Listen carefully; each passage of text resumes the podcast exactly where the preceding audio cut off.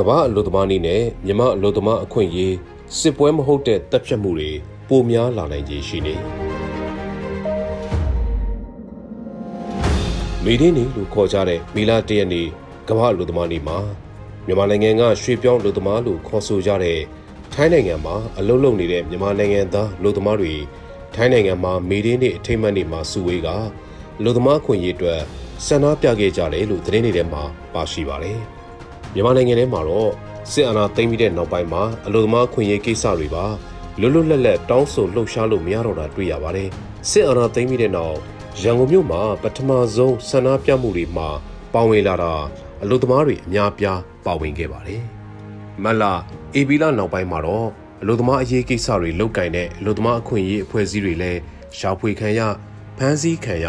ပြည်ပကိုတင်းရှောင်ရတာတွေနဲ့အလို့သမားခွင့်ရေးလှုပ်ရှားမှုဟာ တိတ်ဆိတ်သွားခဲ့ရတာတွေ့ရပါတယ်။အလို့သမားခွင့်ရေးတောင်းဆိုမှုတွေတနစ်တာအတွင်းငွေဖောင်းပွားမှုတွေကြီးကြီးမားမားဖြစ်ပေါ်နေတဲ့မြန်မာနိုင်ငံမှာအစစအရာရာကုန်စည်နှုန်းကြီးမြင့်လာတာကြောင့်အလို့သမားဝန်ကြီးဌာနကသတ်မှတ်ထားရှိတဲ့အနေအဆုံးလောက်ခလာစာလိုမျိုးနဲ့ပတ်သက်လို့ပြန်လည်သုံးသပ်တာမျိုးတွေစတဲ့လူသမားခွင့်ရေးကိစ္စတွေအခုလိုကာလမှာပြောဆိုနိုင်တဲ့အခြေအနေမရှိတော့တာတွေ့ရပါတယ်။ကိုဗစ်ကူးစက်ကရောဂါယောဂါကာလမှာကလေးက အလို့သမားခွင့်ရေးကိစ္စတွေနဲ့ပတ်သက်လို့သက်ဆိုင်တဲ့အဖွဲ့အစည်းတွေဌာနတွေကဆောင်ရွက်မှုတွေနှောင့်နှေးလာခဲ့ပြီးဆန္ဒပြမှုလိုအခွင့်အရေးတောင်းဆိုမှုတွေလည်းကိုဗစ်ကူးစက်မှုကန့်သက်ချက်စီးမြင့်တွေကြောင့်မလုံးဆောင်နိုင်ခဲ့ကြတာစစ်အာဏာသိမ်းလိုက်တဲ့အခါမှာလူသမားခွင့်ရေးကိစ္စတွေဟာနိုင်ငံရေးဖိနှိပ်မှုတွေပြည်ပကတွေအောက်ကိုရောက်သွားခဲ့ပါတယ်။ဗန်တွေငွေသားမထုတ်ပေးနိုင်လို့လုပ်ငန်းတွေလက်ပတ်ဖို့အခက်အခဲရှိတာတွေမြန်မာကျပ်ငွေတန်ဖိုးကျဆင်းတာတွေကြောင့် လောက်ခလာစာတွေကအရင်ကြက်ငွေတန်ဖိုးတုံးကလောက်အသုံးမခံတော့တဲ့အခြေအနေတွေရင်ဆိုင်နေကြရပေမဲ့နိုင်ငံရေးတိုက်ပွဲလက်နက်ကင်ပြည်ပခလက်နက်ကင်တော်လန်ရေးစတဲ့အကြောင်းအရာတွေကအလို့သမားခွင့်ရေးလူမှုဘဝအခြေအနေခက်ခဲမှုတွေကိုဖုံးလွှမ်းသွားခဲ့တာမျိုးကြုံကြရတဲ့သဘောလည်းဖြစ်ပါတယ်။2017နောက်ပိုင်းပွင့်လင်းလာတဲ့နိုင်ငံရေးအခြေအနေအောက်မှာအလို့သမားသမဂ္ဂတွေဖွဲ့ခွင့်ရလာတာအလို့သမားခွင့်ရေးလှုပ်ရှားတဲ့အဖွဲ့အစည်းတွေတရားဝင်တီထောင်လှုပ်ရှားနိုင်ကြရာက အနေဆုံးလောက်ခသတ်မှတ်ချက်လှုပ်ချိန်အလုတ်ခွင့်အခြေအနေတိုးတက်မှုစတဲ့ကိစ္စရပ်တွေကိုလုံသမားတွေမိမိတို့ဘာသာတောင်းဆိုညှိနှိုင်းလှုပ်ဆောင်လာကစားမှာစစ်အာဏာသိမ်းမှုကအားလုံးနောက်ပြန်ဆုတ်သွားစေခဲ့တယ်လို့ဖြစ်နေတဲ့အခြေအနေလည်းဖြစ်ပါတယ်ဒီကနေ့အတွက်အခြားသောသတင်းတွေကတော့လက်နက်ကင်တိုက်ပွဲမှာမဟုတ်ဘဲမြို့တွေမှာကြေးရွာတွေမှာအရက်သားတွေတက်ခံရတဲ့အဖြစ်အပျက်တွေပိုမိုများပြားလာနေတဲ့သတင်းတွေဖြစ်ပါတယ်ဒီကနေ့သတင်းတပုတ်ထဲမှာ မြို့နယ်တစ်မြို့နယ်အတွင်းမှာကိုပဲတနေ့ကျော်ကာလအတွင်းလက်သည်မပေါ်ပဲတပ်ဖြတ်ခံထားရသူ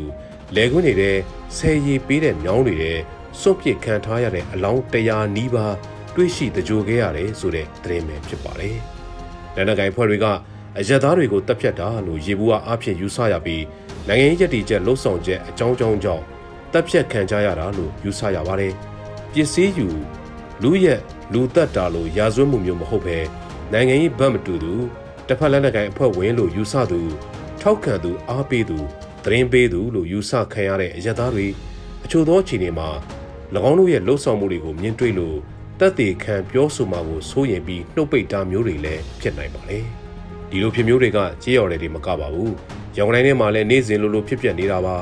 စီပင်နယ်နိမိတ်ထဲကမြို့နယ်တွေမှာလည်းဖြစ်နေသလိုရန်ကုန်မြို့နဲ့မဝေးတဲ့တန်လျင်ခရမ်းသုံးခွဒေသတွေမှာလည်း နေ့စဉ်လိုလိုတပ်ဖြတ်ခံရတဲ့သတင်းတွေကြားသိနေရတာဖြစ်ပါတယ်။မျိုးပြပျောက်ကြားဖွဲ့ချုပ်ကဒလန်ရှင်းလင်းရေးလှုံ့ဆော်ကြရာကရရကအုပ်ချုပ်ရေးမှုယာယီမှုကြက်ခံရေးပါတီဝင်စတဲ့သူတွေတဲကလုံခြံတပ်ဖြတ်ခံရသူတွေကိုသတင်းပေးလို့ဆွဆွဲပြီးလုံခြံတပ်ဖြတ်ကြတာဟာ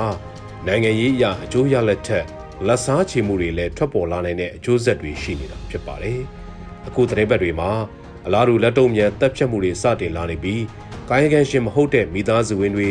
ဆွေမျိုးသားချင်းတွေကိုပါပြစ်မှတ်ထားလက်စားချေလုံးကျန်တက်ဖြတ်တဲ့ဖြစ်ပျက်တွေတစ်ခုပြီးတစ်ခုကြားသိလာနေရပါတယ်။ဒီလိုလူသက်လက်စားချေတဲ့အစင်လာ